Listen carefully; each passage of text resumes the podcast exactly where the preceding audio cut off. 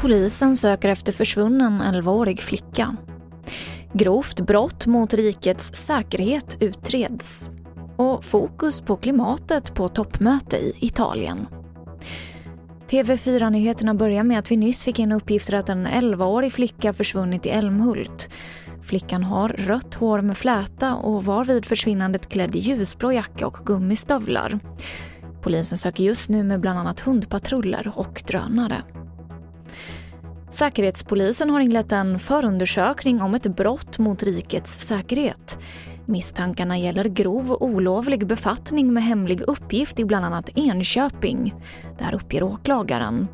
En person är misstänkt och ska förhöras, men det är inte aktuellt med något gripande. Det vi då, Säkerhetspolisen, kan bekräfta det är att en person eh, misstänks för grov obehörig befattning med hemlig uppgift. Det sa Carl Melin som är presschef på Säkerhetspolisen. Så till Göteborg där det under flera hastighetskontroller igår kväll och eftermiddag drogs in 22 körkort. Polisen riktade sig in på de som kör minst 31 kilometer i timmen för fort. Värst var en man som körde 166 kilometer i timmen på en 70-sträcka. Det här skriver polisen i ett pressmeddelande.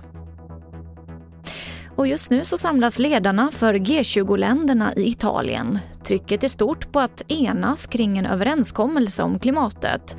Imorgon börjar ju det stora klimatmötet i Glasgow i Storbritannien.